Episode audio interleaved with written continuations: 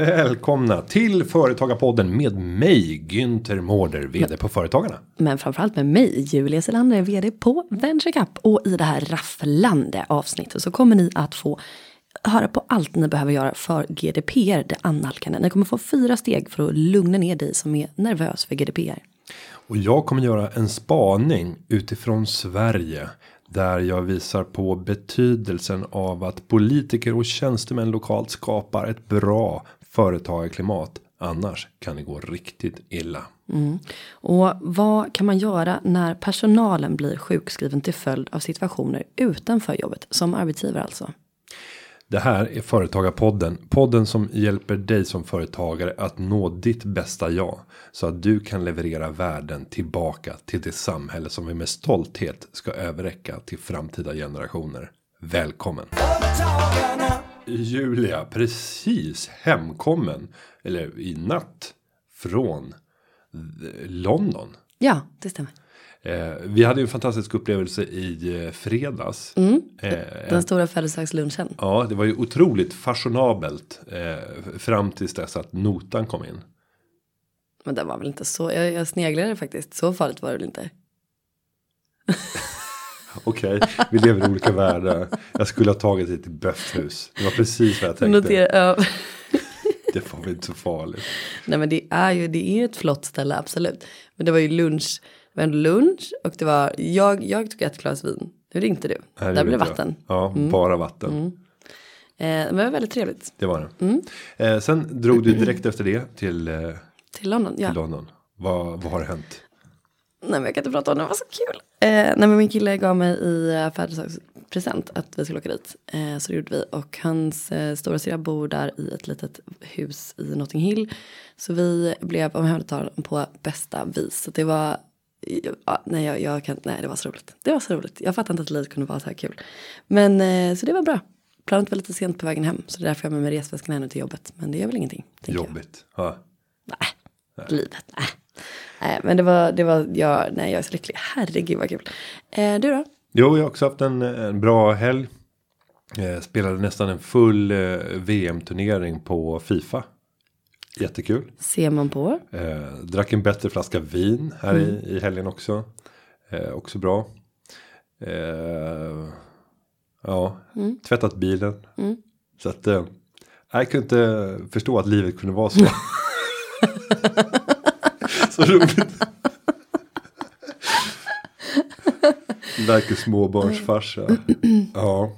Jag hade lite olika liv. Men, jag, men jag hade däremot, eh, eller däremot, eller därtill ska jag säga. Därtill hade jag en väldigt spännande vecka. Berätta. Och nu håller jag på att blanda ihop här. Men det var faktiskt förra veckan. Då var jag i Göteborg. Och då fick jag vara på ett företagsbesök tillsammans med de lokala politikerna och riksdagsledamöterna i Göteborg. Eh, och då gjorde jag den här. Och nu är det här eh, poddradio. Så nu får du förklara. Vad är det jag håller upp? Det är en eh, otroligt fager penna. Eh, ja. Det är en, den är, den ser gedigen ut. Det är, den är två olika färger. Det är blått och det är gult. Man skulle kunna säga att det som är Sverige. Ja, som mm. Sverige. Precis, för företagarna i Sverige. Mm. Så dels en penna. Det är ett gediget märke av äh, ballograf. Ja, och det är mm. guld här. Och det är, det ja, här och så pekar jag. Det är mm. guld på den här, ni vet, tryckaren. Eh, och även på den här eh, hållaren som man kan ha i kavajslaget. Men sen är det silver i ringen som avskiljer den övre och undre delen och det är även silver i eh, själva spetsen. Mm. Så att den, den är unik i någon mening. Eh, alltid när du säger ordet guld så säger du det liksom med så här guld. Guld. Liksom börjar dregla lite när du hör guld. Nej men det som, det som var roligt när jag eh, fick komma och besöka Ballograf. Det var, och nu ska vi säga nu, nu är det här inte sponsrat. Det är inte så att vi får livstidsförbrukning av pennor. Hur många behöver man? Nej men jag tillhör det är så här 99% av Sveriges befolkning. De undrar ju var alla pennor tar vägen. Men en procent av, Förvaltar, av, av Sveriges du. befolkning vet precis var de är. Eh, och brukar typ en gång i halvåret kunna komma med en hel kasse med pennor och dela ut på jobbet. Och jag tillhör den där en procenten. Men vänta, en kasse med pennor som man delar ut på jobbet. Är det någon som vill ha dem? Jo, men du vet så här. Nu är pennorna slut igen på kontoret. Och så bara, ja men jag har. Och så går man och hämtar i sitt skåp. Och så en hel ICA-kasse med pennor. Så kassen håller på att gå sönder. För pennorna sticker igenom. Det är så fullt och det är så tungt. Nej men jag är alltid så här. Du skriver under, du får en penna, skriver under. Och så bara reflexmässigt. In innanför kavajen, stoppar in den in i fickan. Och så går man vidare. Tills man börjar bli sidotung. Då bara, åh nu får vi tömma den här. Och så stoppar man ner i väskan. Och sen börjar väskan bli för tung. Då får man tömma det någon annanstans. Tur att du har ett hus så att du kan få plats med alla pennor. ja. Men det var på besök hos Ballograf. Ja, det jag vill komma till. Eh, som var spännande här. Det är hur viktigt företagsklimatet är lokalt. Det här är alltså ett, ett företag som har eh, varit på marknaden sen har det 50-talet. Det, det finns i alla fall annonser från 50-talet. eh, Kanske ännu tidigare. Eh, I ett industriområde södra Göteborg nära Frölunda torg. Eh, exakt var ja i alla fall så eh, de tillverkar väldigt få pennor. De jämförde sig med Bic. Den stora engångstillverkaren av så här, eller rakhyvlar och billiga pennor. Och då tyckte jag att jag hörde att de tillverkar lika många pennor på ett år som Bic gör på en timme. Och då kan man ställa sig frågan, går Wow. det ens att bedriva en verksamhet? Den viktigaste marknaden för dem det är ju eh, den svenska marknaden, det är den största. Och där minskar marknaden för pennor med 10% per år. På global basis så var det mellan 2 och 4%. Så tänk att verka på en sån marknad där det bara ja, det är bottenlöst höll jag på att säga. Men det går stadigt ut, utför. Sen kom nästa sak. De behövde modernisera sin eh, fabrik. Och hade börjat för 12 år sedan bearbeta kommunen för att få markanvisningar för att kunna bygga sin nya fabrik. Men de har inte löst det. Kommunen har inte kunnat komma upp med en vettig lösning. Så nu har de fattat beslut om att de ska flytta hela sin produktion till Filipstad. Där de även har en produktionsanläggning. Men där också vad jag förstår kommunen har varit mycket mer tillmötesgående. Och jobbat för att hitta en lösning. Och här pratar vi om rätt många anställda. I ett litet företag. Eh, penntillverkning. Det är ändå lite identitet. Ballograf. Det är ändå liksom lite svensk själ i det. Det, det, alltså det är mer identitet än bolagets storlek. För det är inte jättestort, absolut inte. Eh, men det är så många fler dimensioner. Och sen så den där förlusten. Att få se ett företag lämna sin kommun till följd av att kommunala tjänstemän och indirekt då de politiska politiskt tillsatta eh, inte har lyckats hitta en lösning på ett problem för att kunna skapa jobb, välfärd. Och det var rätt roligt att se de här politikerna när de fick höra det här. Och hur de faktiskt eh, skämdes en hel del. Över att man genom sin politik har fört ett företag ut från kommunen. Men det som var ännu vackrare. Det var han som är idag är ägare av firman. Som bara ryckte på axlarna och sa att. Nej, no hard feelings. Alltså för mig. Det, det här är inga, ingen, inga problem. Det är såklart tråkigt för de anställda. För många av dem kommer inte ha möjlighet att flytta till Filipstad. Eh, men vi kommer hitta duktiga ingenjörer där. Och vi kommer hitta fabrikspersonal. För det ligger nära. Eh, Karlskoga och där har du många militära eh, liksom utbildade personer som har jobbat med tek- teknik och inom industri åt det militära. Så att det är inte något problem och nej, jag, jag är inte arg på kommunen. Men, men det är tråkigt. Det är tråkigt naturligtvis, men som företagare måste man ju lösa problemen. Åh, det där sista Och kände det, du. det är så himla vackert. När han liksom inte håller på och kastar skit och elände över politikerna. Utan bara, nej men vi tar det. Ni sätter spelreglerna, det har jag respekt för. Och eh, ja, då blir jag tvungen att göra så här. Man får anpassa sig. Ja, men sen kan de slå sig i dank, höll jag på säga, med, eh, inte Vasaknäcke som har sin fabrik där också? Jojomensan. Eh, så att eh, hela Vasa och Barilla. Eh, den svenska delen av, av eh, Barilla har sin tillverkning där. Pasta och knäckebrödsbältet eh, Mm. som man brukar kalla det. Och numera även pennträsket. Nej. Ja, det kommer bli det. Vad kul, men eh, imponerande. Men så ska man ju tänka som företagare. Om du inte anpassar dig och utvecklas så mm, kan det vara början på slutet. Ja, och för dig som är politiker. Fundera över vilka förutsättningar ger du för dina företag lokalt att kunna växa, kunna skapa jobb. Vilka incitament skänker du till den här gruppen? Vill du ha nya jobb? Vill du ha tillväxt? Vill du ha nya skattekronor in i kommunen? Då är det här ett avskräckande exempel. Bra, ett brandtal så här på morgonkvist. Ja, nej, ja, ja, ja, ja, visserligen. Vi går vidare. Ja. Den här veckan så har vi tänkt att eh, gå tillbaka till ett ämne som vi har berört tidigare. Det handlar om GDPR. Eh, och GDPR, den nya dataskyddsförordningen som kommer att införas på europeisk basis den 25 maj i år. Eh, den skapar en del oro i mm. leden och det är många frågor kopplat till det. General Data Protection Regulation. Jag tycker alltid det låter som ett skämt om man säger det hela. Men GDPR, ja. Och jag, vi har ju pratat lite grann om det här i ett tidigare poddavsnitt. Eh, så vill man och ta det från början så, så kan man ju lyssna på det, eller hur Günther? Ja, vilket avsnitt är det? Ja, det vet jag faktiskt inte, men... Eh, mm. Ja, men vi har ett, ett avsnitt. Man kan, man kan googla Företagarpodden och GDPR. Dessutom så har vi gjort en livesändning där jag intervjuade bland annat Datainspektionens generaldirektör och en av specialisterna tillsammans med vår rådgivningsexpert Karin Berggren på de här frågorna. Den livesändningen som är ungefär 45 minuter lång som omhandlar mängder av frågor kopplat till det här ligger på hemsidan. Man kan gå in på foretagarna.se GDPR. Där försöker vi samla så mycket information som möjligt. Mm. Och nu kommer jag på 94 avsnitt 94. Avsnitt 94. Mm. Mm. Eh, men om vi ska gå och titta på några vanliga frågor. Mm. Ska du eh, börja?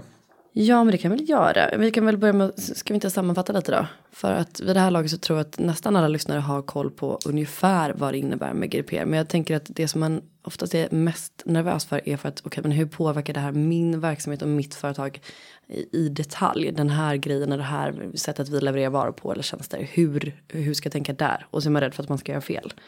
Ehm, så att vi har ju fått in en hel del frågor till Företagarpodden. Ehm, vi kan väl ta en av dem. Och mm. då låter den så här. Är GDPR tillämplig vid till exempel tävlingar i butik där kunder lämnar ett mobilnummer eller en e-postadress för att kunna bli kontaktade efteråt? Mm. Eh, nej, och eh, det kan jag absolut säga. Ja, det omfattar. Men det innebär ju inte att det är ett problem. Du kommer att kunna bedriva de här tävlingarna även i framtiden. Men du måste ha ett klart syfte för vilka uppgifter du samlar in. Och besvara frågan varför är de nödvändiga? Och sen måste du också ställa frågan är personen som du har samlat in datan om medveten om att du gör det? Och vad du ska använda den till? Ja, och, då, och, och, och om kunden skulle höra av sig till dig och säga att jag vill bli borttagen. Har du en process för att faktiskt kunna hantera det så att du säkerställer att personen blir borttagen från registren? Och, och om man då tar en tävling så är det ganska uppenbart kan jag tycka att eh, om jag lämnar in ett tävlingsbidrag så måste ju personuppgifter vara med. Annars så kan jag inte vara med i tävlingen. Mm. Eh, och har man då en skrivning om vi säger att i en vanlig butik då brukar det vara en liten så här blankett där man ska fylla i så här, bästa slogan. Beskriv med sju ord varför du skulle och så vidare. Eh, har man bara en skrivning längst ner på det pappret där det står eh, beskriver processen fem rader ja, men vad är det för data vi samlar in? Hur hanterar vi dina personuppgifter? Eh, och, och, beskriva att det finns möjlighet att bli borttagen om man kontaktar företaget. Så att eh, det, det, kommer gå precis som vanligt. Jag tänker också att det här är en sån klassisk eh, som man kan tänka då som butiksföreståndare. Eh, att men vi gör den här tävlingen så får vi in massa mejladresser och så lägger vi in dem i vårt nyhetsbrev så kan vi skicka ut nyhetsbrev sen. Där är väl en sån klassiker då att men, du ska väl egentligen, kunden har kanske varit med i den här tävlingen enbart för den här tidsbegränsade tävlingen. Och då kanske inte den vill ha massa nyhetsbrev. Så om den inte aktivt tackat ja till det. Då ska man inte göra det. Det är en sån typisk GDPR skillnad där då. Ja men om man tittar idag så är det ju rätt vanligt. När man eh, signar på någonting. Låt oss säga så här att man ska ladda ner en rapport på företagarnas hemsida. Mm. Ja, det vi gör då det är ju att vi mejlar ut rapporten ganska vanligt, inte på alla. Eh, men du säger att jag vill ha den här. Ja, då får du lämna din e-postadress så att vi kan mejla den till dig. Mm. Vi hade ju kunnat lösa det genom att den bara låg där och du kunde ladda ner den istället. Eh, men det är för att vi ska få en e-postadress. Där får du ju även ta ställning ofta då i ett sånt läge till vill du även ha företagarnas företagarpolitiska nyhetsbrev som kommer ut en gång i veckan. Där vi skickar med de viktigaste nyheterna just nu. Mm. Och då kan man ju bedöma att den som vill ha en sån här rapport borde rimligtvis vara intresserad av även av ett sånt nyhetsbrev. Och sen skulle man även kunna ha med. Vill du även ha erbjudanden om medlemskap eller om du är medlem få ytterligare notiser om förmåner som finns som medlem. Om jag bara förklarar varför jag samlar in den här datan. Och på vilket sätt som eh, den kommer att sparas. Och hur du kan bli borttagen. Så är det helt okej. Helt lugnt fortfarande. Med det lilla tillägget också att du måste i varje nyhetsbrev ha en liten dutt längst ner. Vill du bli borttagen? Klicka här. Mm, och det har ju gällt även sedan tidigare. Jo men det vet jag. Så Men bara eh, så att det är fortfarande viktigt. Men det är väl det som är kanske en, en sammanfattning också av att det, det här är inte några nya grejer egentligen. Det har håsats extremt stort och ja det kommer att bli konsekvenser om man inte anpassar sig. Men sitt lugnt i båten, det är ingen panik. Så om man nu känner att okej, jag har inte ens börjat ännu och man har hört att i maj så smäller det med GDPR. Vad är det som händer då? Vad, vad ska man göra? Eh, nej det första är ju att bara kartlägga vilka typer av uppgifter är det jag har om mina kunder, om mina leverantörer, olika typer av personuppgifter. Det som är absolut mest logiskt, det är ju olika typer av kundregister. Där är det så uppenbart. Men vad som är mindre uppenbart, det är e-posten. För e-posten är ju också en del av ditt systematiserade samlande av data. För det är sökbart och kontrollerbart och eh, även personuppgifter som nämns där. Är en del av, av eh, eller omfattas av samma lagstiftning. En annan sak som överraskade mig när jag satt i samtalet med Datainspektionen. Det är ju även bilder. Även bilder är en personuppgift. För det går att hänföra den som är på bilden till en fysisk person. Eh, sen så fick jag ju ett, ett, ett så här. Det här vill man ju om vi ska prata så här gråzonen. Och det, det här vill man helst av allt inte prata om. Det är ju att datan ska ju vara strukturerad och ordnad. För att det ska betraktas som att det här är liksom ett ett personuppgifter som är organiserade. Men om de är oorganiserade. Ja då är det inte tillämpligt. Så om man skulle ha helt, ett helt oorganiserat system för det här. Tänk dig Sveriges stökigaste kontor. Jag ser det framför mig, absolut. Ja, då, då är inte eh, lagen eh, tillämplig. För den, den är inte organiserad på ett sånt sätt. Så ditt gråzonstips är egentligen så här, ha desto större oreda du har i dina, i dina liksom, tillgångar av olika personuppgifter, desto, desto mindre kommer GDPR behöva. Ja, är det helt oorganiserat och det, det är ta mig sjuttsingen helt omöjligt att hitta det du söker. Men det finns där Det någonstans. känns ändå ganska kontraproduktivt. Vad ska Ja. du ha skiten till? Men jag fick höra när vi gjorde den här livesändningen så var det 70 stycken lokalföreningar i företagen som sände den live. Så de sände sändningen. Och då fick jag höra efteråt att när den här frågan kom upp. Eh, och vi just fick svaret att nej men är det helt oorganiserat. Då gäller det inte. Så hade det brutit ut spontana applåder på vissa platser runt om i Sverige. Där det var så här, de här oordningsamma människorna som helt plötsligt fick sin revenge. Hurra! Ja, nej, eh, men jag tänker att det, handlar ju i korthet om att man ska alltså inte alltså samla in fler personuppgifter än nödvändigt. Och du ska enbart, ja, du ska kunna besvara på frågan varför du har dem och hur länge och på vilket sätt. Och, och om vi ska ta en, en lite så här känslig del. Ta de som jobbar med olika typer av eh, här, salongsyrken. Där du hjälper människor att bli vackrare. Eh, av olika art. Men där du dessutom sitter ner tillsammans med den här personen under ganska lång tid och får väldigt mycket information om personen. Eh, Den här typen av information kan ju vara väldigt värdefull för dig för att skapa en kundlojalitet. Så om jag skulle ge ett råd så är det att vara nyfiken på dina kunder. De flesta har ganska dåligt minne så man kommer ha glömt när den här personen kommer tillbaka efter två, tre månader så man glömt vad den där katten hette eller nya flickvännen eller pojkvännens namn eller var var det de egentligen skulle resa när vi satt och pratade om den där resan som de skulle göra. Så att ett tips då skulle kunna vara att teckna ner efter varje kund så tar man tre minuter så bara teckna ner i ett register allt du har fått reda på om den här personen. Rimligt. Om man då ska kunna, Rimligt. ja men det, det, det är rimligt i ett lojalitetsperspektiv. Och sen nästa gång kunden kommer in då öppnar du den här kundkortet och sen så läser du på. Det tar en minut att bara ögna igenom det där och helt plötsligt så förefaller du vara otroligt intresserad av just den här människan. Den personen känner sig sedd, uppskattad och lojaliteten kommer stiga. Men här är ett typiskt sånt fall. Där du absolut inte kommer att få samla in den här datan. Om du inte har informerat om att du gör det. Eh, och, Det och, känns som att det faller lite då. Du, eh, efter att vi har pratat här så kommer jag att anteckna allting du har sagt för att jag ska kunna komma ihåg det till nästa gång för att du ska känna dig speciellt. Är det okej? Om man tänkte gått in på pedikyr och sen så fått eh, en timme. Och sen så får man skriva på ett kontrakt efteråt. med massa finstilt. Man har ingen aning om så varför ska jag skriva på ett kontrakt här. Där man tydligt anger att eh, saker du säger under behandlingen kommer att kunna dokumenteras ner i syfte att kunna stärka lojaliteten hos dig som kund genom att kunna vara än mer relevant i de samtal som förs under nästa behandling. Jag menar, det är fortfarande lagligt om du formulerar på det sättet och får ett medgivande. Sen så är det ju dessutom så att medgivandet ska komma årligen så att det får inte vara så här att du gör ett ständigt medgivande. Sen kan man ju diskutera om medgivande även kan vara genom att betala in den här genom att betala för den tjänst som du har fått så anses du ha bekräftat avtalet igen. Ja, det är luddigt. Ja, men där tror jag ändå att det är lite gråare. En jurist får gärna hoppa på mig om du sitter där ute och säger att nej, det här går inte. Tänk dig att kunden har skrivit på ett sånt här avtal där det står att eh, varje betalning till oss kommer vara ett medgivande av det här avtalet om du har tecknat det på obestämd tid med oss i tidigare tillfälle. Så du har skrivit ett avtal vid första besöket. Så även fyra år senare när du kom in där köpte samma pedikyrbehandling så har du gjort ett medgivande.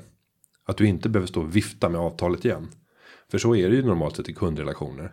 Har en färdig deal. Det här är vad som gäller vi gör affärer. Du väljer att återkomma till mig. Det är inte så att jag behöver stå och vifta med avtalet igen. Det är en överenskommelse. Ja, det finns eh, många vägar. Det finns många vägar. Okej, men vi tar en fråga till då på GDPR. Och då är frågan ställd på följande vis. Ehm, omfattas kontokorts eller swishbetalningar av GDPR? I så fall, vem är ansvarig för personuppgiftshanteringen? Jag eller kortutgivaren banken? Ja, och det, det, det är absolut eh, en personuppgift om du kan koppla det här kontot eller det här mobilnumret till en person. Eh, så att om du samlar in den datan, ja, då är du ansvarig för det. Men sen kan man ju också tänka att många av de här lösningarna, det är ju en extern betallösning där du inte ens ser kortnumret. Om du lägger på en tjänst för kortbetalning där du har en en add-on till din hemsida till exempel. Ja, då kommer du aldrig se det. Du kommer bara få överföringar från det transaktionsinstitutet utan att se vilka kontonummer det är eller vilka kortnummer som används eller vilka som har swishat. Ehm, sen, sen kan det vara så här att om du gör direktbetalningar så att du samlar in kortnumren direkt. Ehm, där finns det ju en konflikt kanske vid något tillfälle där du enligt lag är skyldig att samla bokförings, bokföringen i sju års tid. Och det kan ju vara andra ärenden. Det kan vara garantiåtaganden. Om vi säger att du har gjort ett byggjobb som har 10 års garantitid. Om då en kund kommer och säger att jag vill bli bortglömd. Ja, du kan ju inte ställa dig ovanför bokföringslagen. Du måste ju spara uppgifter som kan säkerställa vilka var de här kunderna som du hävdar att du har haft. Så att den informationen står över eh, dataskyddsförordningen. Men det är ju en väldigt begränsad mängd information. Sen kan det ju vara så att om det gäller om det hade gått då åtta år. Och sen säger en kund att jag vill bli glömd. Men du har en garanti på 10 år. Ja men där skulle jag nog säga att ja men kunden har rätt. Men du skulle ha möjlighet att ta bort garantiåtagandet då. För att om du inte har fått spara uppgifter om vem du har gjort det här uppdraget åt efter de här åren. Ja, då kan du inte komma dragandes med och säga att jag vill ha min garanti. Så att. Eh, Men just den aspekten att kunder som har mm, blivit med i olika register ska kunna bli borttagna. Det är väl också en, en tumregel att du måste, du måste faktiskt ha ordning och reda på hur du lagrar uppgifterna just i det fallet. För att annars så kan det stå dig dyrt om en kund vill bli borttagen och du inte har möjlighet att göra det. Ja, ja absolut. Och att beskriva den processen tycker jag är, är det viktigaste. Att bara skriva vad är det som händer när en uppgift kommer in till mig. På vilket sätt överlämnas den? På vilket sätt sparar jag den? På vilket sätt bearbetar jag den? På vilket sätt gör jag om jag vill ta bort den? Alltså har du bara beskrivit den processen då har du kommit väldigt långt. Och sen ska du komma ihåg att det, det är Datainspektionen som själva ska vara ute och granska att här efterlevs. Eh, Och det är ju rimligtvis så att man inte kommer kunna förvänta sig att den lördagen den 26 dagen efter införandet i maj så står datainspektionen och knackar på Då dörren. vaknar jag upp en helt ny värld. Nej, och sen är det ju. Det finns ju skrämselpropaganda i det här och det är ju att om man bryter mot eh, regelverket så kan man riskera böter om 4% på global omsättning. Så det kan vara enorma belopp för för många företag. Men det är ju väldigt många steg fram till dess. Där det handlar om att man gör en identifierar en brist och att du ska åtgärda den och sen har du olika reprimander innan man går till det strängaste straffet. Jo, och det här är ju olika sätt att, att lugna på. Men så här är det ju också att som vi sa i avsnitt 94 där vi pratade om GDPR första gången i Företagarpodden. Du kommer ju att behöva se över din verksamhet och kanske är det så att du inte behöver vidta några större förändringar. Men du behöver ha en plan. Eh, och om man ska sammanfatta så är det ju samla inte mer uppgifter än det du behöver. Eller hur? Nej, det är väl klokt.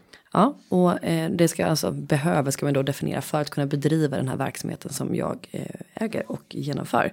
Informera de här kunderna vars uppgifter du behandlar, att eh, de behandlas och på vilket sätt och hur man kan bli borttagen om man vill. Och se också till att, att den möjligheten då finns för dig att ta bort dem om det är så att de hör av sig.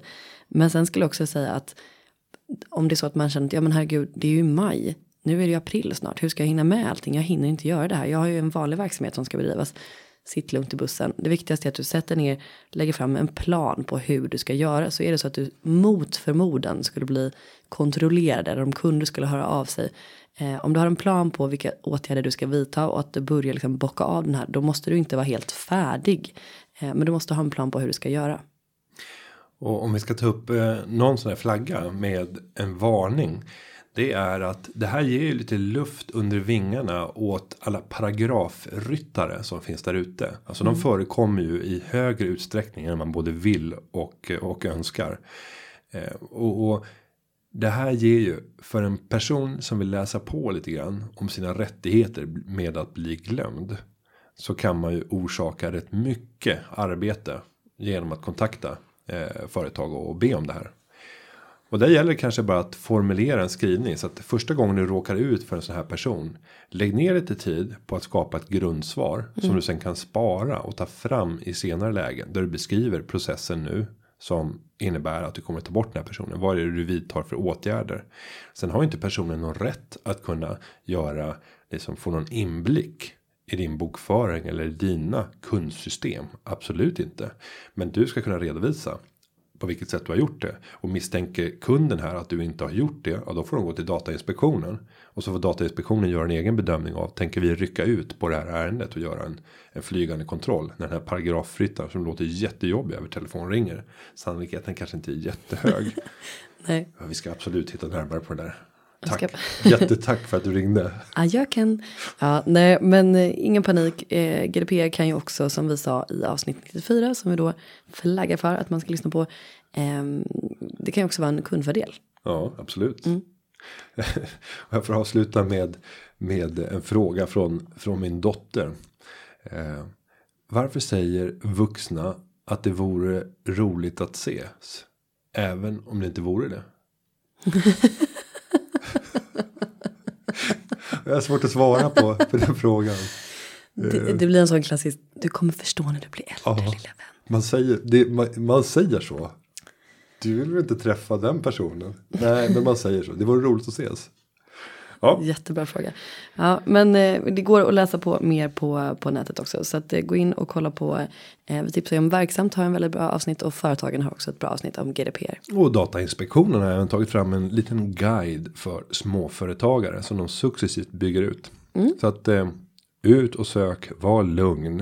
Eh, det kommer ordna sig. Allt kommer att bli bra. Allt kommer att bli bra. Må hans ansikte lysa över er och give er frid. Ja, vi får köra något bibliskt senare. Mm. Eh, där sätter vi stopp för GDPR den här gången och går vidare till en avslutande lyssnarfråga. Det gör vi. Lyssnarfrågan som vi har fått in handla, eller kommer från Kristina i Göteborg som är medlem i företagen. Det tackar vi för.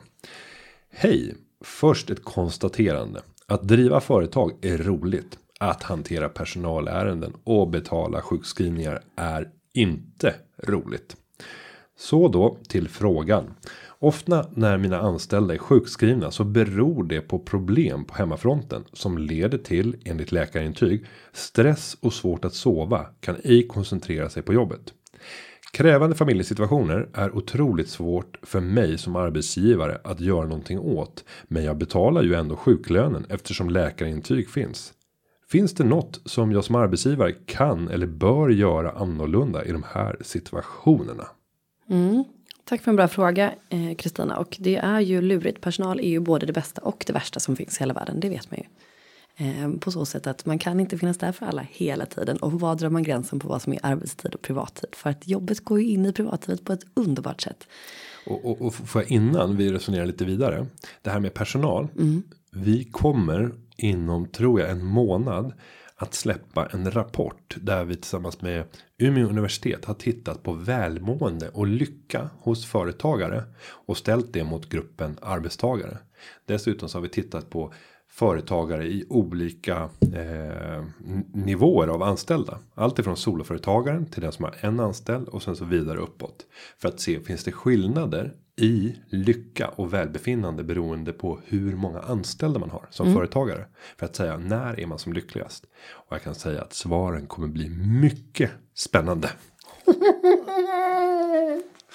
Jag är, jag är ganska så pepp här också. Men jag, jag tycker, jag är ju av åsikten att jag tycker att som företagsledare så är din enskilt största uppgift och ditt största ansvar att du ska se till att din personal mår så pass bra att inte bara för att du är snäll som person utan för att det blir bättre affärer helt enkelt. Men om vi nu går tillbaka till det här fallet då. Du identifierar att den här personen eller de här personerna blir ofta sjuka. Eh, de får läkarintyg, jag betalar sjuklönen. Eh, jag vet eller gör analysen att det har inte med arbetssituationen att göra. Utan det har med det privata att göra. Hur skulle du resonera där i en sån arbetsgivarsituation? Ja, alltså talar vi om eh, mitt företag i, i, i, i detalj så, så är vi ganska eh, få i personalen. Så nu har jag försökt att tala med personen. Men sen så är det väl också så att man vill ju erbjuda något stöd som kanske tredje part kan erbjuda bättre. Exempelvis någon slags terapi, samtalsterapi eller någonting. Eh, så jag tänker att man kan titta på om man inte har någon försäkring där det finns möjlighet till det så kan det ju vara ett bra tips att, att teckna det. Och se till att personen får något slags stöd där. Vad tänker du? Ja men det där är nog ett ganska klokt råd. För att det är svårt för dig som arbetsgivare att komma och säga. Även om det kanske är uppenbart. Att du måste flytta fram positionerna på hemmafronten. Du tar ett alldeles för stort ansvar för hemmet och för familj. Det kan ju vara en stressfaktor. Att du är alltid den som tvingas lämna och hämta på förskola och på fritids. Du är alltid den som måste se till att det handlas. Att mat eh, finns för familjen. Att eh, de lägger sig på kvällen. Att aktiviteten organiseras. Det här kommer ta jättemycket energi, kraft. Men det är svårt för arbetsgivaren att säga att jag kräver av dig att du nu ska sätta press på din partner. Eh, eller se till att ta in hjälp från eh, dina föräldrar eller svärföräldrar. Eller köpa in hjälp. För att på så sätt underlätta ditt liv. Det kan jag ju inte göra som arbetsgivare. Men däremot, och som du säger då, att, att erbjuda någon typ av samtalshjälp. Och gör det inom ramen för en försäkring.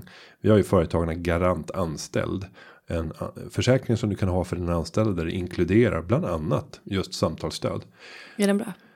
Ja, den är bra för att det du kan göra då det är att du skickar iväg eh, personalen eller den person som inte mår bra till att kunna få hjälp att reda ut situationen. För dig kanske är helt uppenbart och du gör analysen och tycker att det här är eh, definitivt eh, tydligt att det handlar om hemmasituationen. Då kommer ju en sån samtalsterapeut att också identifiera det. Om det är så uppenbart att det är det. När de sätter sig ner och har det här samtalet. Och då kommer rådet snarare komma därifrån. Att de ska ställa krav på en förändrad situation på hemmafronten. Det kan vara lurigt för dig som chef att säga att jag tycker verkligen att du borde lämna din fru. Så Ja. du kan jobba hårdare. Ja, Mm. Nej, men skämt åsido, men jag kan verkligen förstå och respektera frågan för att hur mån man eh, vä- än är om, sina, om sin personal så kan jag också tänka att resonemanget är så här, men du har betalt för att du ska utföra dina arbetsuppgifter, det du gör på ditt privatliv måste ju kunna synka och då är det väl egentligen upp till den enskilda individen att se till att det verkligen synkar. Men det är inte alltid så lätt såklart. Nej, och tittade vi på eh, i, i fjol så försökte ju eh, försökte regeringen flytta fram eh, och överflytta ännu mer ansvar på eh, företagaren och ge ett ännu större ansvar för sjuklönen, sjuklöneansvar. Och ska man göra sådana förflyttningar där man lägger ännu större ansvar på arbetsgivaren. Då måste ju med det ansvaret också komma ett antal friheter och rättigheter att få bestämma mer över individerna som man har ett ännu större ansvar för. Mm, alltså, frihet och ansvar hänger ju samman och även möjligheten att ställa krav kommer ju med att du plötsligt får en skyldighet. Mm. Eh, och där var ju regeringen eh, omåttligt ointresserade Omåttligt ointresserade. ja, av att diskutera att arbetsgivaren ska få större möjligheter att vara inne och styra över individers eh, tid utanför jobbet. För man skulle ju kunna tänka sig då att en arbetsgivare hade förbjudit enskilda anställda att utöva vissa typer av idrotter som man vet har en hög skaderisk. Och säga att nej, du får inte ägna dig åt eh, extremskidåkning. Jag vet att det är förenat med väldigt stora risker så att eh, jag förbjuder dig som arbetsgivare att göra det på din fritid. Eh, jag förbjuder dig också att eh, att eh, mer än 60% av gångerna hämta och lämna på på förskola. Och det här blir ju ganska absurt. Då får man ju omedelbart facket som vänder, vänder sig emot. Och säger att "Nej, men det här är omöjligt. En arbetsgivare ska aldrig få gå in och styra över människors privatliv. Nej, men då kanske arbetsgivaren heller inte ska få ett utökat ansvar. När det gäller både liksom, rehabiliteringsdelen men också när det gäller den rena sjuklöneansvaret. Enig. Tänk på den. Tänk på den. Och sen så kan man också göra det till en nästan lite gråzon. Du kan ju också liksom snacka ihop det med din chef. Att komma hem och säga, nej men jag får faktiskt inte hämta mer än 40% av gångerna för min chef. För då blir jag avskedad, vill du det? Mm. Jättebra argument. Nej men om vi ska vara seriösa. Det är inte helt eh, lätt. Men jag tänker också att ni är människor. Den här personen mår inte bra. Ta ett snack och se till att fråga. Okej, men finns det någonting som din hemmasituation eh, ja, som påverkar dig på jobbet? Kan jag underlätta som arbetsgivare? Kan vi se till att du kan jobba hemifrån en dag i veckan med liksom konkreta arbetsuppgifter som vi följer upp? Eller kan vi på något sätt förbättra situationen? Alltså finns det någonting man med små medel som arbetsgivare kan göra för att förbättra situationen? Börja och fråga det och ta det samtalet. Mm. Ja men det är väl ett, ett bra tips. Eh, och tänk som du gör i vänskapssituationer. Hur gör man när en vän far illa? Ja men då är det ju ofta så att vännerna runt omkring organiserar sig. Och gemensamt försöker hitta olika typer av saker vi kan göra. För att få den här personen att komma på rätt bana igen. Eh, och i det lilla företaget så är det väldigt likt den här vänskapssituationen. För man är vänner. Eh, så att använd de klassiska greppen även där. Hjälps åt för att få personen att, att må bra, känna mindre stress. Kunna få en situation som gör att man kan hantera vardagen. Mm. Och vi tipsar ju tillbaka till vissa avsnitt. Vi hade ju också en expert här på företagen, Liselott Ergulander. Hon var ju och talade i avsnitt 104 om, ja, inte just den här situationen, men liknande kluriga utmaningar som har med personal att göra. Så det kan man också lyssna på. Det kan få bli ett bra avslutande tips. Så med det sätter vi punkt för den här veckan och vi ber er att skicka in nya frågor till podden och det gör man ju enklast genom att Hashtagga, nej men skriva sin fråga på hashtag företagarpodden på Twitter eller Instagram. Eller så kan man gå in på företagarpodden.se och fylla i formuläret. Eh, och ja, skriv härliga frågor. Det är ni som utgör underlaget till den här härliga podden. det är ni som ställer frågorna och det är vi som ska hjälpa er till ett mer framgångsrikt företagande. Det är så Sverige växer, det är så jobb skapas, det är så vinsterna blir högre som sen kan beskattas och generera nya skattekronor in som gör att vi gemensamt kan bygga den välfärd som vi känner så stor stolthet över. Mm, men eh, med det så knyter vi ihop den här säcken Günther för den här veckan. Det gör vi och säger att podden har förberetts av Karin Nygård och klippningen är gjord av Gustav Dalesjö. Tack och hej för den här veckan. Tack och hej leverpastej, GDP, puss och kram. Hej! Företagarna, ja, ja, ja, ja, ja, ja. Företagarna, ja, ja, ja, ja, ja, ja.